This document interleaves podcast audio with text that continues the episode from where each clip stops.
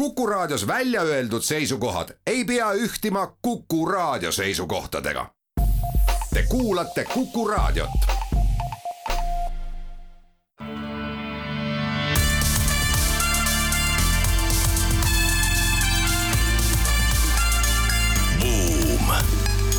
buumile annab hoogu SEB Pank tere päevast, head Kuku raadio kuulajad, on kolmapäev, viies aprill, eetrisse läheb majandus- ja ettevõtlussaade Buum. toome heade raadiokuulajateni põnevaid majandus- ja ettevõtlusuudiseid laiast maailmast. tänased saatejuhid on Ott Pärna ning Raivo Vare esimese uudisena võtame majandusuudise ja räägime naftakartellist OPEC pluss, mis kärbib suures inflatsioonikartuses järsult tootmist, mis on omakorda ärritanud siis erinevaid valitsusi ümber maakera ja eelkõige siis äh, Valget Maja Washingtonis. inflatsiooni teemaga jätkame ka teises majandusuudises, nimelt inflatsioonikriis on vähendanud leibkondade sissetulekut ja tõmmanud väga mitmed Euroopa riigid nii-öelda toiduvõitlusse edasi räägime Prantsusmaa pealinnast Pariisist, mis on ühtlasi ka kaks tuhat kakskümmend neli aasta olümpialinn, mis siis on otsustanud alates septembrist keelata ära tõukerataste rendifirmad. Ja teiselt poolt võib-olla sama teema jätkuks räägime natuke ameeriklaste liftist, mis on vahetamas tegevjuhti. Äh, juhtimisteemade all äh, käsitleme seda, kuidas aitab sotsiaalmeedia leida firmadele ja organisatsioonidele brände, kellega partnerlusse astuda. Ja kuidas äh, seejuures tahaks ka seda puudutada, kuidas see ülikooli linnakutes välja võib näha ja uudisteploki lõpetuseks räägime siis Tiktoki keelust, keelustajate kuulsusrikkast nimest, nimistust, kellega on siis tänavu või sellel nädalal liitunud ka NATO ja tänane saatekülaline on meil Tartu Ülikooli majandusteaduskonna professor, sotsiaalia valdkonna dekaan ja rektorikandidaat Raul Eamets ning Raul aitab meil ka uudiseid kommenteerida.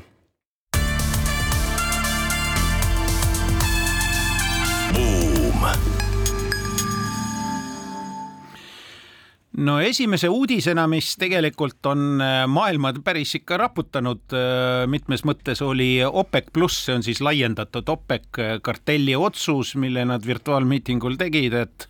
nad vaatamata en-, eelhoiatustele, kus isegi Saudi naftaminister prints äh, bin Salman ütles, et äh, Abdullaziz bin Salman seekord äh, ütles, et ei, me ei muuda midagi kuni aasta lõpuni, tegelikult muutsid, teatasid vabatahtlikust kuni kahe miljoni barrelisest ametlikult praegu küll üks koma kuuskümmend kuus tuleb sealt kokku, naftatoodangu vähendamisest aasta lõpuni, mis hakkab maist kehtima aasta lõpuni. Ja sellega tegelikult paiskasid nii-öelda maailma äh, kaks sõnumit. üks sõnum, mis seondub äh, väga selgelt naftaturu ja nende konkreetsete naftatootjamaade huvidega. Ja see on siis saada rohkem raha, sellepärast et vahepeal nafta hinnad olid kukkunud juba tasemele, mis oli alla kaheksakümne, kui võtta Brent aluseks ja nende nii-öelda ideaalmudel eeldab üheksakümmend kuni sada, jutt on siis OPEC plussi soovidest.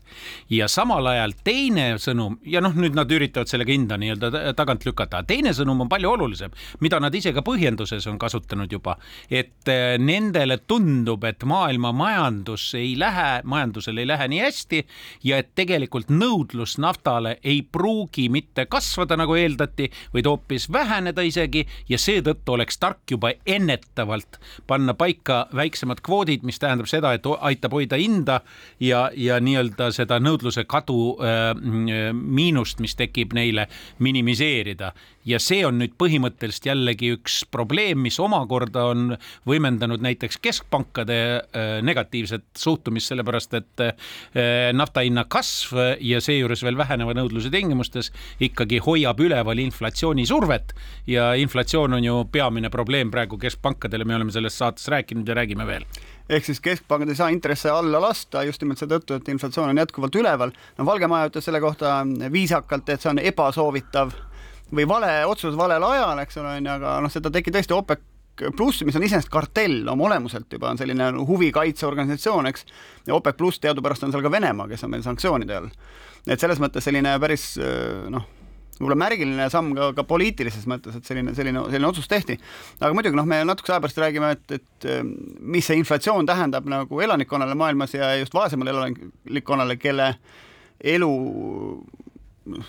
hind, elamise hind on märksa, märksa kallimaks muutunud ja muutub veel ja me teame, et, et kütuste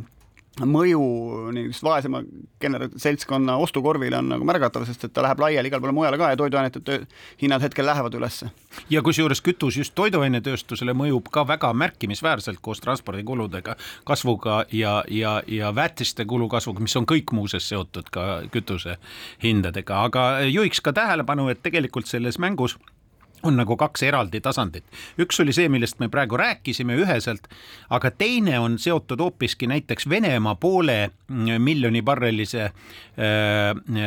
tootmise vähendamisega, mida nad tegelikult juba jõudsid eelnevalt välja kuulutada individuaalkorras ja mida nad nüüd selle programmi OPEC pluss programmi raames kavatsevad pikendada. nimelt küsimus on selles, et Venemaa nüüd seoses sanktsioonide poliitikaga on isegi mõneti sunnitud vähendama oma, oma toodangut ja see tähendab seda, et siin nendel on nii-öelda see menüü nagunii ükskõik mida sügise poole teised otsustama hakkavad. küsime professori käest Tart-, Tartu poole pealt, et kuidas on Tartu Ülikooli hooned on veel soojad või? et alles natuke aega tagasi ma olin Helsingi lennujaamas, mis oli üsna külm. et kuidas seis on? tere, tere minu poolt ka ja eh, noh, ma kuulasin seda juttu ja, ja vaatasin ka seda uudist, et äh, ma pean tunnistama, et mulle see teine argument tundus natukene otsitud äh, argument, see üldine globaalne nõudluse vähendamine, kui me vaatame kolmanda, no sõltub, kui pikka perioodi me vaatame, kui me vaatame kolmanda maailma tarbimise kasvu, siis äh, noh, see tundus nagu, ma ei tea, mingisuguse imeliku vabandusena, et me valmistume ette tuleviku äh, nõudluse vähenemiseks. ma, see, mina seda argumenti ära ei osta ja teine mõte, mis, ähm, mis noh, tuli nagu, kui tulla Eestisse korraks tagasi, et äh, päris huvitav oleks teha niisugune väike analüüs, et kui kiiresti meie jaeketid äh, reageerivad äh, nafta hinna muutustele maailmas ja kas see reageerimiskiirus on erinev languse Äh, versus siis tõusu puhul, et, äh, et kui kiiresti tõus jõuab tarbija äh, rahakotti ja kui kiiresti langus jõuab tarbija rahakotti, et ma arvan, see oleks päris huvitav analüüsi teema, ma ei usu, et need ajalõtkud on sama pikad. ma võin kinnitada, Raul, et sa oled õigel teel, olen kindel, et nad ei ole sama pikad ja üldine reegel on juba tükk aega jälgitav. tõusud jõuavad palju kiiremini kui, kui langused sinna hinnatulpadesse, nii et, nii et see probleem on Eestis oligopoolse turuga paratamatult paratamatult mõneti ka teki-, tekkinud. Aga noh, hinnatõus jah, see on äh, tõsine teema ja noh, sellest vist jõuame siin varsti rääkida, see toiduainete hinna juures, aga põhimõtteliselt äh, see tähendabki äh, pikemaajalist kõrgete intresside perioodi ja kui selle taustal on olnud ikkagi kümme aastat kestnud rahatrükk, siis siis me elamegi kõrget, kõrge inflatsiooni ajastul päris mitmed aastad veel jah, aga ega selle rahamassi steriliseerimiseks peale sõjarevolutsiooni, kodusõja inflatsioon ju praktiliselt ongi ainukene viis. ja kõige kurvem selle juures on tegelikult, et see rahatrükk paljuski toimus nagu vaesemate riikide toetamiseks mõnes mõttes ja vaesemate elanikkonnakihtide toetamisest just nagu hinna kallinemise vastu ja omakorda sellest kõrgest inflatsioonist saavad esimese löögi just nimelt nemad. aga seda eriti on märgata nüüd selle meie teise teema puhul, kus, kus äh, me räägime toiduainete hindadest ja Euroopas on pretsedenditu äh, äh, toiduainete hindade kasv, on öeldud, et see on lausa põlvkondlikult pretsedenditu pärastsõjaaegses perioodis ja need hinnad on kasvanud ka kõikidele baasilistele toiduainetele, millest sõltub vastavate riikide heaolu. ja nüüd on siis Euroopa riigid asunud siis kuidagi sellega võitlema vastavalt oma võimekusele ja arusaamadele, olgu need siis Portugal või Hispaania või, või, või mõni teine riik nagu Poola, kus siis kas vähendatakse makse või kehtestatakse mingisuguseid isegi hinna nii-öelda piirmäärasid või üritatakse äh, näiteks äh, väiksemates riikides, kus on äh, või noh, kasvõi Rootsi siin kõrval, kus on teatud ketid enam-vähem ka sellises valdavas positsioonis turul, neid ära rääkida võimude poolt. no kõige resoluutsemalt lähenes asjale Ungari, kes lausa hakkas käppima ära siis hinnalagesid panema ja sellega selles mõttes astusid ka oma nagu naela otsa, et et kaupmehed küll mingitel asjadel, millele pandi lagi peale, siis see hind sinna jäi, aga tegelikult teiste alternatiivsete toodetega võeti see kasum tagasi, ehk siis muud asjad läksid selle võrra veel kiiremini kallimaks. ja kokkuvõttes Ungari inflatsioon nüüd teadupärast ongi Euroopas kõige kõrgem, panid meist ka vuhinaga mööda. aga mis on seotud selle toiduainete ja kütuse teemaga, on see, et tegelikult alusinflatsiooni numbrid on murettekitavad sellele vaatamata, mis nendes kahes kategoorias toimub, nagunii juba ja, ja see on ka nii-öelda Euroopa äh, rekordite tasemel ja see tähendab seda, et ka keskpangad tõenäoliselt, ma kujutan ette, et äh, oma intressipoliitikas jätkavad intressi tõstmisi paratamatult, sest alusinflatsiooni tuleb igal juhul maha suruda, siin nii-öelda need muud reeglid, mis kütuse ja toiduainete puhul natukene on teistsugused, ei kehti. Kui tohib, siis äh, noh, see kõik meenutab seda, mida me ajaloos oleme korra korra näinud, et kui me hakkame hindu kontrollima äh, ülemisel aega või, või kehtestame hinna, hinna lae mingile asjale, siis see tekitab automaatselt kohe või kunstlikult siis defitsiidi ja, ja tulemuseks on see, et lõpuks see, mis turule tuleb, on äh, kolm korda kallim, et äh, noh, Raivo, sinul on mälus see või lao mhm. legendaarne lahti lahtimurdmine Savisaare ajal, nii et äh, me oleme seda kõik korra näinud, nii et äh, ma arvan, hinnalagede kehtestamine on ilmselge tupiktee ja noh, teistpidi kasvavad kulud äh, ei lase nagu valitsustel väga seda seda maksusoodustust peale panna, sest siis on vaja jälle leida kuskilt mujalt see raha, et riigieelarve auke täita, nii et ega see on päris keeruline küsimus, kuidas vaesematele äh, elanikkonnakihtidele seda toiduainete hinnatõusu kompenseerida? no siin on kaks poolt, et ühelt poolt siis poliitikud püüavad tegeleda siis silmamoondusega, on ju, näiteks Prantsusmaal Macron, kes niikuinii on silmitsi protestidega seoses oma pensioniea tõu-, tõustu, tõstmisega, nüüd siis lepib kokku kaupmeestega, et, et siis need toiduained, mille hind on alandatud, et neile lausa võib panna Prantsuse lipuga hinnasildi külge, et siis tõesti valitsus on toetanud siis odavamaid hindasid. aga pikk jutt kokku, kohe lähme pausile, et üks põhiline asi, mis siin läbi nende artiklite jookseb, on, et kui sa tahad tõesti midagi toetada, siis toeta tõesti otse neid vaesemaid gruppe, kes ei saa hakkama. otsetoetused konkreetsetele sihtgruppidele on otstarbekam kui üleüldine selline maksudega. seda soovitust on tegelikult Maailmapanga eksperdid ka andnud. aga läheme teeme siin väikese pausi, siis tuleme juba heade külalistega tagasi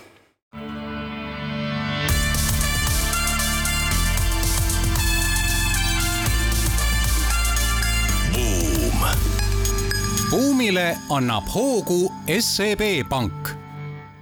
Läheme edasi majandussaatega Buum, saatejuhid Ott Pärna ja Raivo Vare ja saates on külas Tartu Ülikooli majandusteaduskonna professor, sotsiaal- ja valdkonna dekaan ja praegune rektorikandidaat härra Raul Eamets. no Pariisist ja prantslastest juba rääkisime, siis läheme edasi sama teemaga. paar päeva tagasi eh, otsustas siis ülelinnalisel rahvahääletusel Pariisi rahvas, et keelustavad ära elektritõuksid, mitte siis individuaalses kasutuses olevad, vaid need, mis on rendifirmade poolt siis meile pakutud, et kellele ta siis äh, on liiga ohtlik, kellele ta segab jalakäijad, kellele ei sobi see visuaalne reostus, et need tõuksid seal linna vahel on, aga Pariis, kes oli üks esimesi tegelikult nende lubajaid,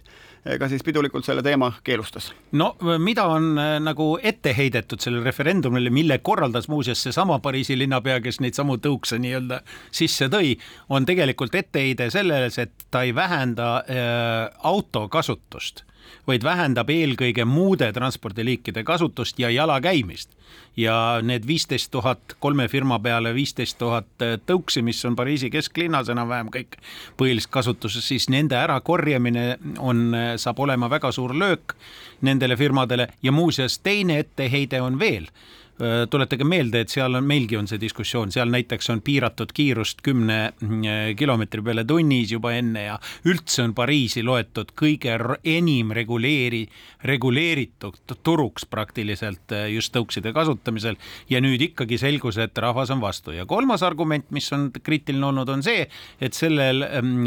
rahvahääletusel tegelikult osales ainult seitse ja pool protsenti Pariisi elanikest, üldse ei saanud osaleda need, kes kommuudivad ehk siis liiguvad Pariisi vahet, äh, elavad ümbruskonnas, aga töötavad Pariisis eelkõige ja ka mm, suures osa elust muus mõttes viiva, viidavad seal, aga elavad nii-öelda väljaspool administratiivpiire. ja, ja, ja viimane etteheide oli veel see, et väga suure osakaalu ebaloomulikul viisil saavutasid äh, vanemad kategooriad inimestest, äh, kuna oli vähe neid hääletuspunkte nemad ju elektroonilist hääletust ei kasutanud, kasutati vana niisugust primitiivset tehnoloogiat, paberlikku ja tulemuseks oli, et olid tohutud sabad, noored ei viitsinud seal seista, vanad viitsisid, seda pandi ka visuaalselt tähele, et neid oli seal palju. ja mina saan vanainimesena sellest täiesti aru, sellepärast et mina käisin siis, kui just tõuksid tulid Pariisi, Pariisil ühel suurel üritusel, kus õhtuti tuli jala liikuda kesklinnas ja selle poolpimedatel pulverikõrvastel tänavatel oli see täitsa nii-öelda jalga sõna otseses mõttes murdev ettevõtmine, sest need tõuksid vedelesid sõna otseses mõttes igal pool no nii on jah, et ühelt poolt on selge, et nendega on probleeme, seetõttu, et linnad poolt planeeritud selleks, et selline liiklusviis nagu tekib, aga samas ütleme, igasuguste küsitlustega sa saad ikka nagu manipuleerida ka rahvast. noh, esiteks on see, et sa ei saa vähemuste õigusi küsida enamuse käest või neid kuidagi piirama hakata, mis on juba noh, nii-öelda inimõiguste printsiip natukene on ju. ja selge on see, et enamus inimesi ei, ei sõida tõuksiga, et, et kui sa paned enamus inimesed, kütad viisil või teisel üles ja paned nad hääletama, siis nad hääletavadki sul. sa saad Brexiti kätte, sa saad muid asju ka, et kõiki selliseid asju minu arust ei tasugi hääletamisele panna. või kui, siis ilmselt kuskil tuhat üheksasada alguses Ameerika Ühendriikides oleks ka autod ära keelustatud, kui meil olid jätkuvalt tänaval hobused ja siis tuli Henry Ford oma Ford T-ga, eks. et noh, et innovatsioon on lihtne ära tappa, kui sa, kui sa seda noh, taktikaliselt tegema lähed, poliitikud vahel lähevad seda tegema, mõtlevad, et saavad võidu, aga tegelikult on peenike pihus pärast ja siis ei ela sellega edasi, et, et eks, sest et noh, ma ei tea, kas Pariisis nüüd ei olegi siis tulevikus tõukse või mis on see, mis siis saama hakkab või nad ikkagi mingi aja pärast tulevad tagasi mingite piirangutega ei, tegelikult ikkagi eh, mõned tõuksid jäävad, sellepärast et eh, näiteks eratõuksid, mida pidi olema prantslastel väga palju ja pariislastel sealhulgas, et neid ju ära keelata nii lihtsalt ei saagi vist. ja need siis jäävad, seitsesada tuhat tükki pari-, oli möödunud aastal prantslaste ostunumber tõuksidel ja võib-olla ka mõned veel, aga, aga eh, loomulikult need rendifirmad ja neid oli seal tervelt kolm, kes seda turgu nii-öelda jagasid, need on siis nüüd out. Ja kusjuures rendifirmasid sa saad ju reguleerida a la nende keskmist kiirust, ma ei tea, kuhu nad pargivad, nii edasi. mida ongi tehtud muuseas. erainimeste käes olevat, noh, siin need tõuksid panevad ju mõned sõidavad sada kiltsa tunnis, eks ole, ja, ja need pargivad just, kuhu nad tahavad ja muidugi nad ei taha ära kaotada, noh, selles mõttes on nende vara, nad on rohkem huvitatud võib-olla kui rendi omadest, aga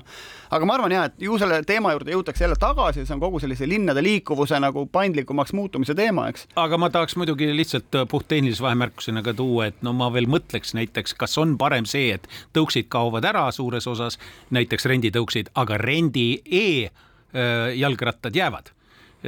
ütleme niimoodi, et kas nende ohutus on siis oluliselt parem ma ei ole sada protsenti kindel. mul on äh, näpp ammu püsti, kahjuks te ei näe mind, et äh,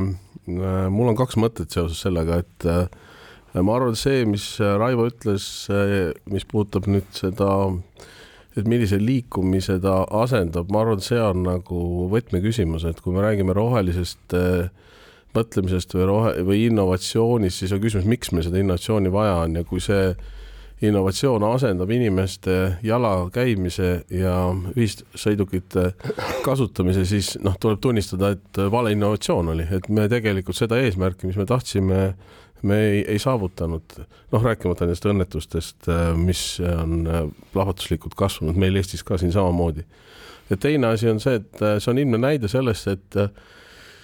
et kui ei ole olemas infrastruktuuri, et siis äh, ei ole mõtet ka ponnistada, et ma ei ole kuulnud, tõsi, ma ei ole ka uurinud seda väga põhjalikult, kas Amsterdamis või Kopenhaagenis on see teema, et tõuksid tuleks ära keerata, sest äh, seal on neil eraldi äh, tee, mida mööda nad sõidavad. Ja, ja kui seda ei ole, noh, siis ongi mõnes mõttes äh, kaos käes, nii et ma arvan, need kaks asja on väga olulised. Pariisis hakati muuseas neid teid ehitama uusinalt ja ka parklaid võeti autode käest ära ja ehitati nii-öelda tõukside jaoks parklad, aga see kõik ei aidanud nojah, ma arvan, et me saame selle te teema juurde veel tagasi tulla ja küll need par pariislased mingil viisil jälle need liikurid sinna, sinna lasevad, aga iseenesest see on hea näide, kuidas see innovatsioonipendel võib käia ühest äärest teise, siis ta tuleb kuhugi sinna keskele tagasi, et et ameeriklaste lift on saamas endale uut tegevjuhti, et founder'id kaks tükki astuvad kõrvale ja juhtima tuleb siis David Risher kes on endine Amazoni taustaga juht ja kes ütleb, et Lyft, mis on siis põhimõtteliselt Uber, Bolt Ameerika Ühendriikides, eks,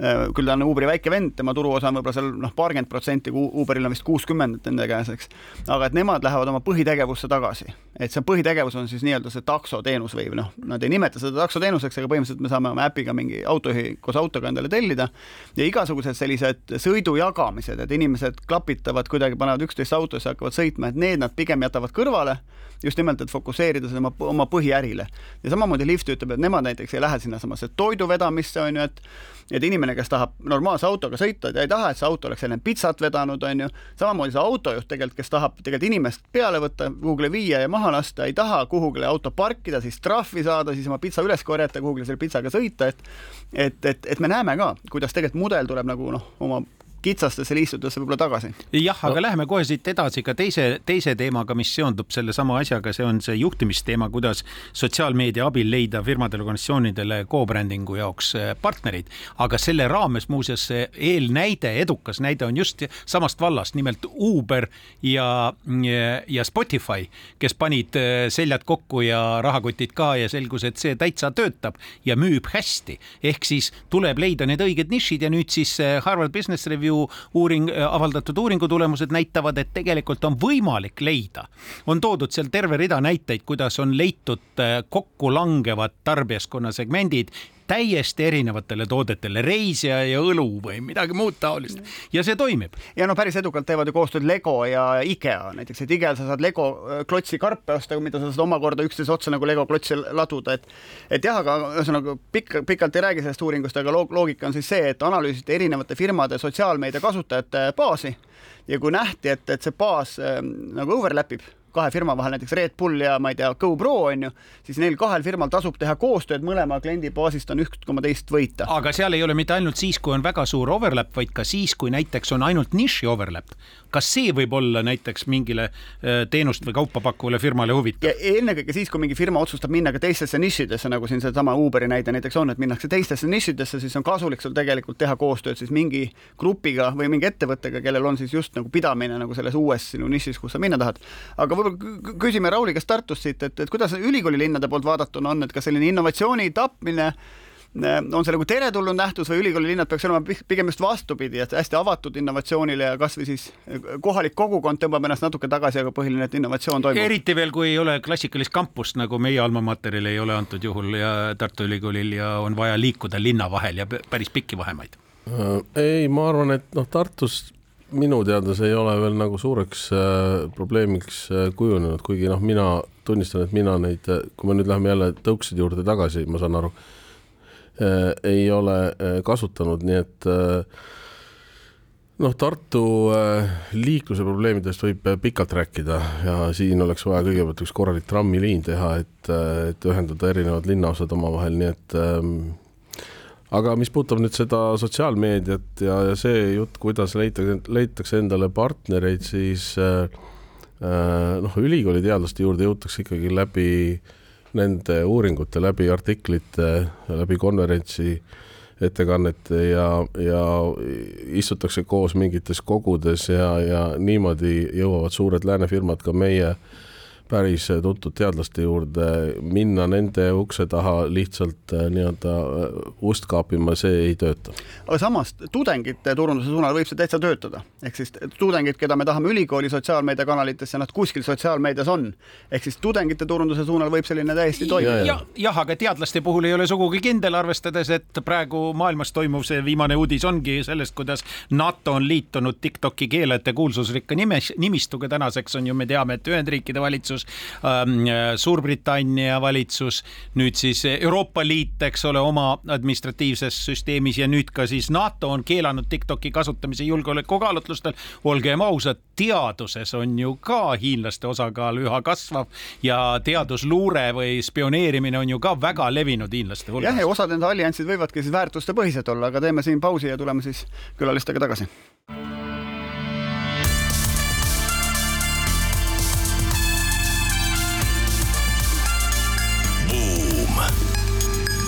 Buumile annab hoogu SEB Pank tere tulemast tagasi, kuulate majandussaadet Buum, saatejuhid Ott Pärna ja Raivo Vare ja külas meil täna Tartu Ülikooli majandusteaduskonna professor, eh, sotsiaalteadus,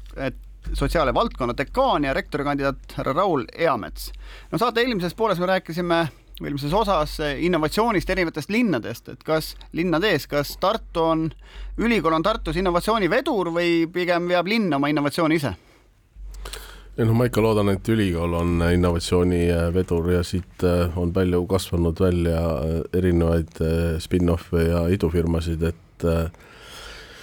kindlasti ei saa vaadata Tartu linna ja Tartu Ülikooli nagu lahus, et nad on omavahel väga orgaaniliselt seotud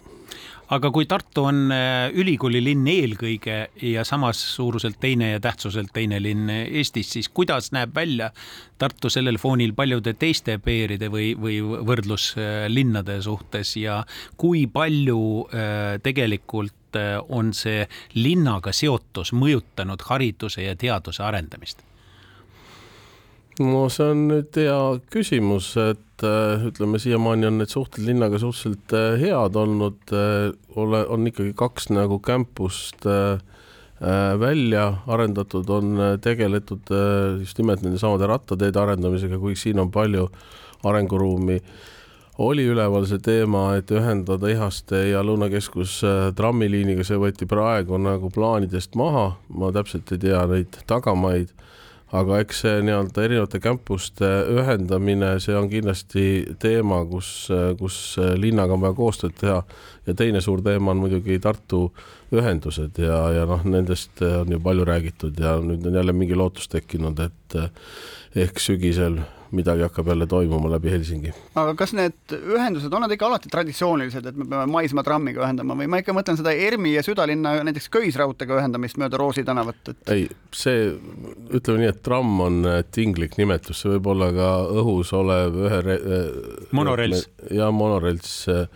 noh, see on nagu tehniline otsustamise küsimus, põhimõtteline. see on ikka raha küsimus natukene ka, sest ega kõik need lõbud on päris kallid ja Tartu suuruses linnas on need äh, proportsionaalselt veel kallimad, aga küsiks teise nurga alt hoopiski, et äh, rektori kandidaadilt, et äh, mis trendid ülikooli hariduse andmisel on praegu kõige olulisemad, mis on nagu silmapiiril ja mida ka Tartu peaks arvestama? Noh, kui me vaatame nüüd neid suuri, suuri trende, mis maailmas on, pean silmas, et inimesed liiguvad rohkem ja kõik muutub rahvusvahelisemaks. ettevõtluse poole pealt me näeme, kuidas ettevõtete eluiga lüheneb, mida see tähendab, see tähendab seda, et inimestel on vaja laiapõhjalisemat haridust, sest äh, noh, selliseid töökohti, kus sa pärast ülikooli lõpetamist lähed tööle ja siis lähed pensionile, äh, neid jääb järjest vähemaks, kui, kui üldse neid äh, tulevikus on. ehk siis ülikool peab olema valmis äh, selleks, et inimesed tuleksid peale mõnda aega töötamist uuesti ülikooli tagasi, ehk minu ka minu programmis on see teema väga tugevalt sees, et see kogu ülikooli haridus peab muutuma paindlikumaks, et me oleme natukene liiga kinni jäänud sellesse kolm pluss kaks süsteemi ja ja täna tööturu nõudmised on natukene teised ja kui me ei muuda oma äh, hariduse äh, õppe andmise süsteeme, no siis hääletavad tudengid jalgadega, lähevad sinna, kus see on paindlikum, et noh, sotsiaalia valdkonnas täna kaheksakümmend protsenti magistrantidest ju töötab ja meil on sessioonõpe, nii et äh, eriti just sotsiaalia valdkonnas äh, on see väga selgelt näha, et, et sellist äh, noh, jär-, järjest viis aastat õppimist on järjest vähem, noh, võib-olla juristidel ja psühholoogidel, aga teistel mitte. no ma olin eile Leedus ja seal äh,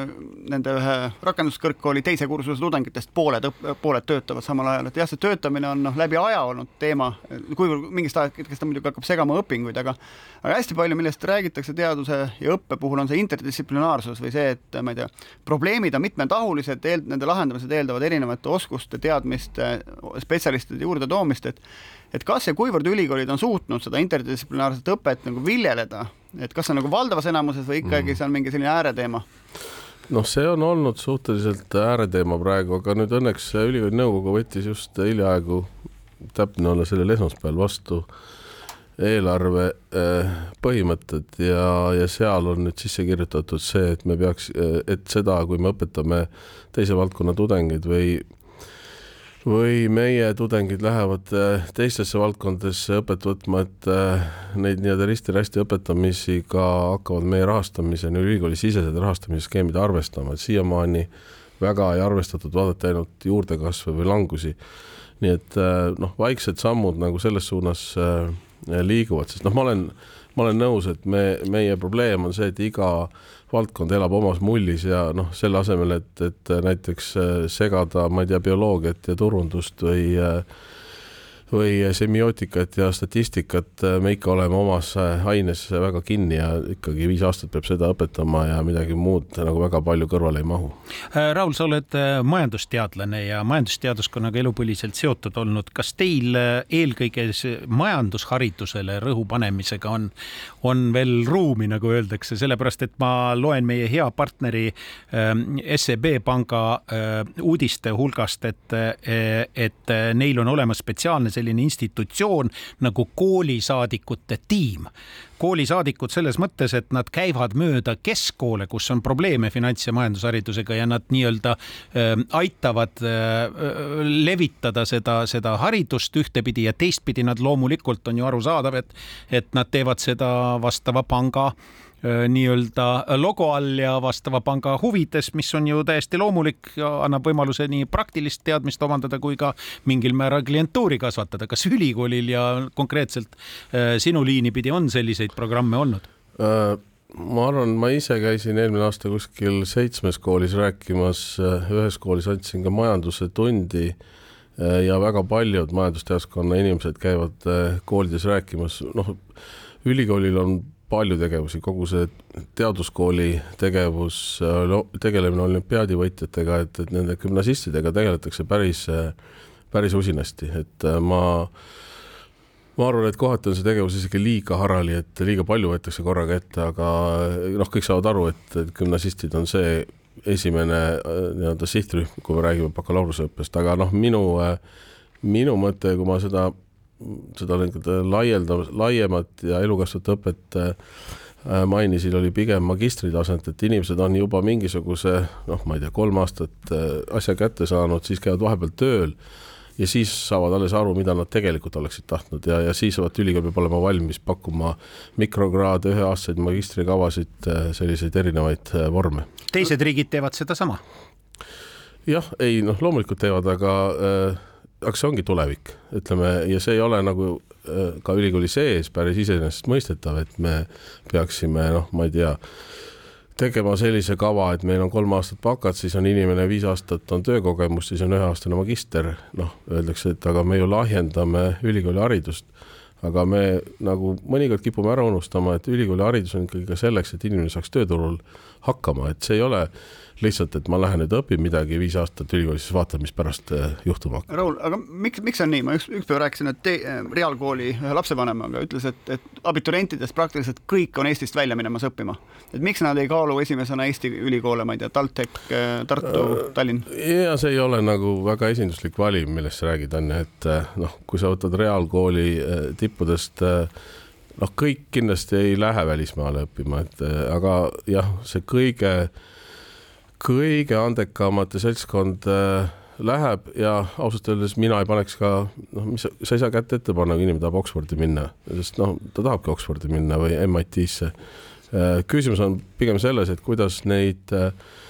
kuidas nendega sidet hoida, nad üles leida ja proovida neid pärast tagasi meelitada, see on nagu teema. Kuigi noh, mina olen öelnud, kui ma olen koolides käinud, et bakakraadi võib omandada ükskõik kus kohas, ma pean silmas ka Eesti ülikoole. magistrist ja doktorist hakkavad väga suured tasemete vahed maailma tippülikoolidega ja noh, isegi ütleme niimoodi, et kui me Tartut vaatame, siis ma ütleksin, et vahed tulevad sisse doktorantuuris, ka magistritase on meil päris korralik, et tegelikult äh, ei noh, ei ole vahet, kas sa lähed Helsingisse magistrisse või teed Tartus magistrit, seal tõesti ei ole väga suurt vahet. jah, noh, doktorantuuris hakkab juba see spetsialiseerumise teema olema, et küsimus, et kus see sinu vald, kitsa valdkonna kõige parem koolkond maailmas on ja sa lähed selle koolkonna järgi.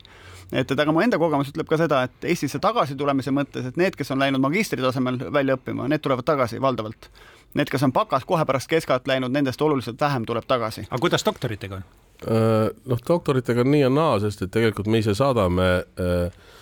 doktorante ja värskelt kaitsnud doktoreid välja järeldoktorantuuri, et see on osa ülikooli haridusest, et, et kui sa oled ära, eriti reaalteadustes, kui sa oled ära kaitsnud, et siis sa lähed kuskile, töötad mõned aastad äh, maailma eri ülikoolides ja siis tuled tagasi äh, loodetavasti. et see välismaal käimine, olemine on tegelikult osa ülikooli haridusest, muidu me konnatigistuksime siin väga ära no ja, ja doktorantuuris on pigem väljaminekuga probleem, et perekonnad, asjad hoiavad kinni, et, et ja teistpidi need perekonnad toovad ka inimesi tagasi, et seda probleemi seal on palju vähem, et inimesed jääks väljapoole. aga teeme siin väikse pausi ja siis tuleme oma saate neljanda osaga tagasi.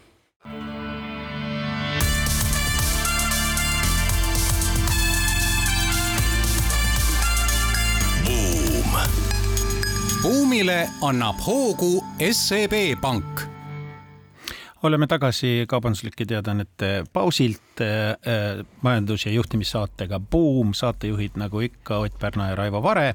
ja meil on tänane saatekülaline äh, äh, professor Tartu Ülikooli sotsiaal- ja valdkonna dekaan ja nüüd ka rektorikandidaat Raul Eamets. ja siit läheksimegi edasi, Raul, sellise äh, küsimusega, et aga missugune selline suundumus Tartu Ülikoolile tundub nagu kõige mõistlikum või kõige otstarbekam rektorikandidaadi vaatepunktist? Kui sa mõtled nüüd äh, neid minu programmilisi teemasid, et äh, kus mina näeksin. äh, no kõike sa ei saa kajastada, meil lihtsalt pole seda ma teen eetriaega. lühidalt, markeerin ära sõnad ja siis võime mõnda asja arutada, et üks on ülikooli mõju ja nähtavuse suurendamine ühiskonnas, ma arvan, et Tartu Ülikool peaks rohkem pildis olema, kui ta täna on. teiseks tahaks ümber muuta teadusrahast, rahade süsteemi, et täna on ülikooli konkurentsipõhise teadusraha osakaal kaheksakümmend kaks protsenti ja püsirahastuse ehk siis baasfinantseerimise osakaal on kaheksateist protsenti, ehk siis väga ebakindel on see teadlase töökoht, kes ainult teadusega tegeleb. ja, ja tahaks, et töötajate palgad tõusevad, sest ükskõik, kellega sa räägid, et miks inimesed ei jää ülikooli ja miks ei tule doktorantuuri ja siis räägitakse igasugustest äh, muudest äh, teguritest, et juhendajatest ja lõpuks viimane lause on ikkagi, aga noh, vaata, millised palgad nad, palka nad väljas saavad, nii et me jõuame igal juhul alati selle akadeemilise töötajate palkade juurde tagasi. siis see paindlikum õpe, sellest me juba paari sõnaga rääkisime ja tegelikult on mul plaanis ka ülikooli juhtimises natuke muudatusi teha, et tuua mõned prorektorid äh, valdkondlikud juurde, sest noh, mitmed teemad nagu kestlik areng ja ettevõtluskoostöö on täna nii-öelda akadeemilise juhtimise tasemel äh, minu arvates mitte piisavalt esindatud, nii et need on nagu need märksõnad. aga elukestev õpe?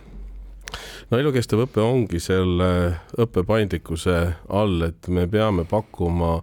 väga erinevaid äh, vorme, mõnele sobib neli pluss üks, neli aastat äh, bakat, üks magister, mõnele sobivad mikrokraadid, noh näiteks me praegu sotsiaal- ja valdkonnas töötame selle kallal, et et me, me pakume praegu siin ligi kolmkümmend erinevat mikrokraadi, see on siis selline noh, pisikene programm, ütleme, mis koosneb äh, siin viieteistkümnest ainepunktist ja kui inimene näiteks on võtnud meie valdkonnas äh, viis sellist programmi, on teinud ära ka mingisuguse katusekava või, või osa, siis ta saab sotsiaalteadlase Äh, magistrikraadi ilma, et tal oleks spetsialiseerumist. spetsialiseerumine tuleb pärast siis, kui ta tööle läheb, et, et kui me mõtleme, et inimene läheb avalikku sektorisse, tal on vaja natuke majandust, natuke juurat, äh, natukene riigiteadusi, et ta ise paneb endale sellise äh, kombinatsiooni kokku. noh, see, seda ei saa igal pool teha, ütleme, arst ei saa niimoodi koolitada, aga sotsiaalias kindlasti saab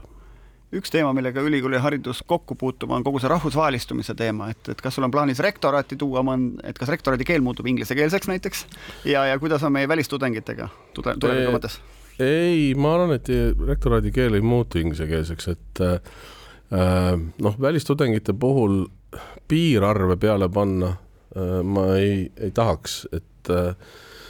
sest meil on väga erinevad äh, väga erinevad olukorrad, mõnel pool on juba kogu doktorantuur ka doktorantide mõttes muutunud ingliskeelseks, mõnel pool on eestikeelsed kavad ära kadunud. noh, minu mure nüüd, kui me sellest rahvusvahelistumisest ja rahvusülikoolist räägime, on tegelikult kõige suurem mure on see, et kuidas tuua eesti keelt oskavaid ja eesti keeles õpetada oskavaid inimesi ülikooli doktorantuuri, sest noh, kui me mõtleme, et meil bakaõpe võiks olla ka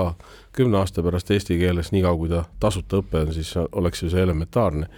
siis meil ei ole praegu juba mõnedes valdkondades inimesi, kes, kes eesti keeles oskavad õpetada, sest nad on välismaalt tulnud ja teinud siin kraadid ja õpetavad inglise keeles no kui Eesti üks kuulsamaid brände on Tartu Ülikooli sambad, eks, iga eestlane, kes käib keskkoolis, teab, et on Tartu Ülikool, kuhu minna, vähemalt ta teab seda kaaluda. nüüd rahvusvaheline turundus on täiesti omaette loom, et, et kui edukad me oleme välistudengite siia toomisel, et kas ainult nii-öelda noh, ütleme, vennasvabariikidest, endiste Nõukogude Liidu riikidest tulevad äh, tudengid peamiselt siia või on näha ka, et tuleb, ma ei tea, Lääne-Euroopast ja mujalt ja, ja kui palju see turundus on tegelikult teistsugune, kui sa tõesti tahad Lääne, Lääne-Euroopast tudengeid saada? Äh, kindlasti tuleb välisturundusega edasi äh, tegutseda ja, ja meil ei ole piisavalt Euroopa Liidust tudengeid, ikkagi kipub olema jah, see endine NSV Liit ja ja Aasia ja siis siin naaberriigid, et ähm, siin on äh, palju arenguruumi ja noh, nagu sa tead ka ülikooli sees seda vaidlust, mina ei kardaks ülikoolis tekitada selliseid iseseisvaid kaubamärke, mida turundada just väljapool Äh, Eestit äh, nii-öelda täiendavalt, et meelitada inimesi siia Tartusse tulema, nii et äh, jah, praegu on kehvad ajad, ütleme ikkagi, kui ameeriklane paneb näppu kaardi peale ja vaatab, kus Tartu on, siis noh, see Vene piir jääb sinna näpu alla, ütleme niimoodi, et natuke kahtlaselt lähedal on aga noh, teie äh, heas mõttes ka konkurent, aga eelkõige kolleeg äh, TalTech on ju tegelikult isegi oma brändi muutnud ilmselgelt arvestades neid äsja räägitud asjaolusid, aga läheks siit edasi digitaliseerimise teemaga hariduses, sellepärast et noh, olgem ausad, see praegu vallutab maailma. Mis on plaanid Tartu Ülikoolil selles mõttes? Ja see annaks ju ka haaret juurde, füüsilist, geograafilist, mis iganes. Noh, eks meil ole e-ülikool äh, täiesti olemas ja koroona andis siin väga suure tõuke, meil ei ole praegu minu teada puhtalt e-õppel põhinevaid äh, kavasid äh,. on selliseid, kus, mis enamuses toimuvad e-õppes, aga kaks korda üheaastase kava jooksul peab ikkagi ka tulema Tartusse. nii et seda tegelikult äh, tehakse ja, ja noh, ja tehakse muuke ja selliseid asju noh, ma mõtlesin esimese hooga, kui sa rääkisid digitaliseerimisest, et noh, hoopis uus väljakutse on see, see chat äh, GPT, mis praegu see oli mu järgmine küsimus, ma valmistasin sest, ette seda. sest äh, ma arvan siin äh, noh, ütleme niimoodi, et mina olen natukene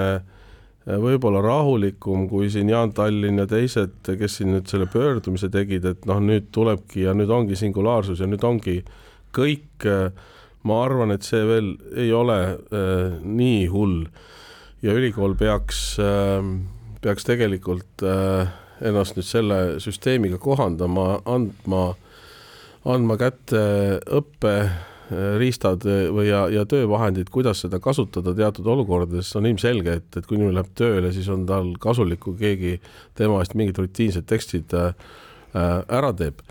Mis on nagu hoopis sügavam oht ja millest Jaan Aru kirjutas Postimehes, on see, et meil nüüd toimub polariseerumine ühiskonnas, et meil on, on targad inimesed, kes oskavad seda GPT-d enda kasuks pöörata ja teha see, seda kasutada nagu tööriistana. ja siis on, tekib nagu väga palju inimesi, neid, kes enam muud ei oskagi teha, kui lähevad kohe arvuti käest küsima ja noh, nad teatud mõttes nende teadmised äh, jäävadki nagu äh, klaviatuuri tasemele, et millise nupu peale vajutada ja, ja, ja milliseid äh, sõnu sinna kirjutada, et, et robot sulle vastaks. Et see on nagu minu jaoks nagu suurem ja sügavam ohukoht, et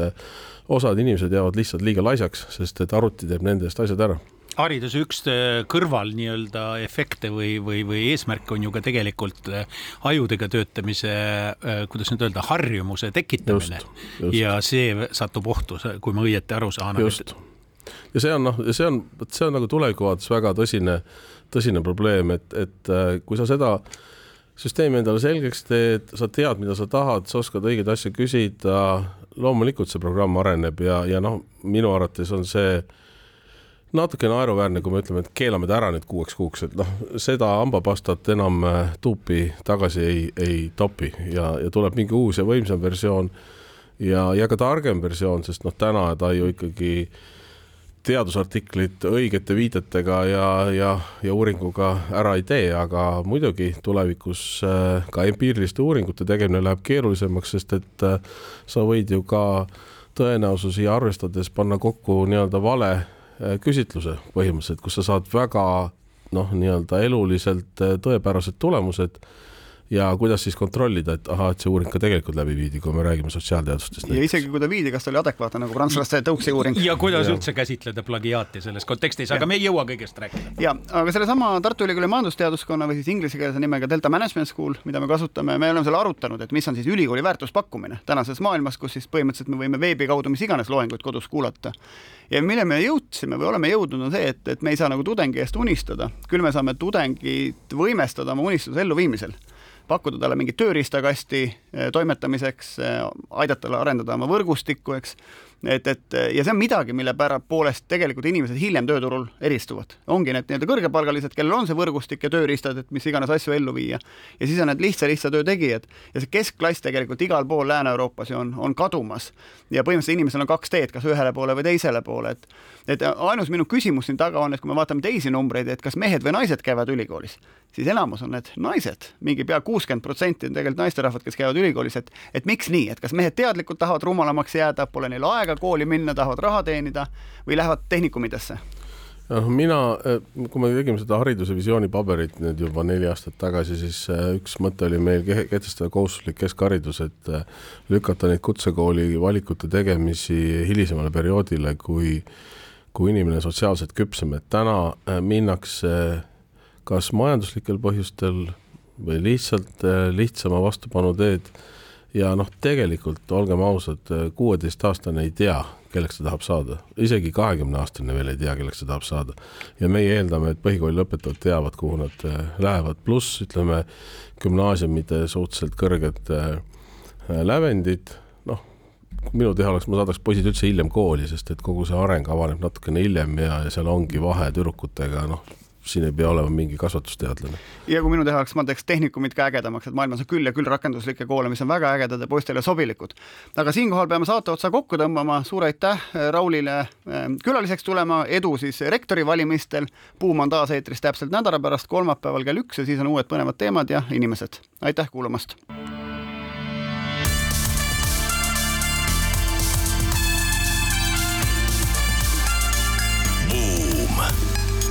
buumile annab hoogu SEB Pank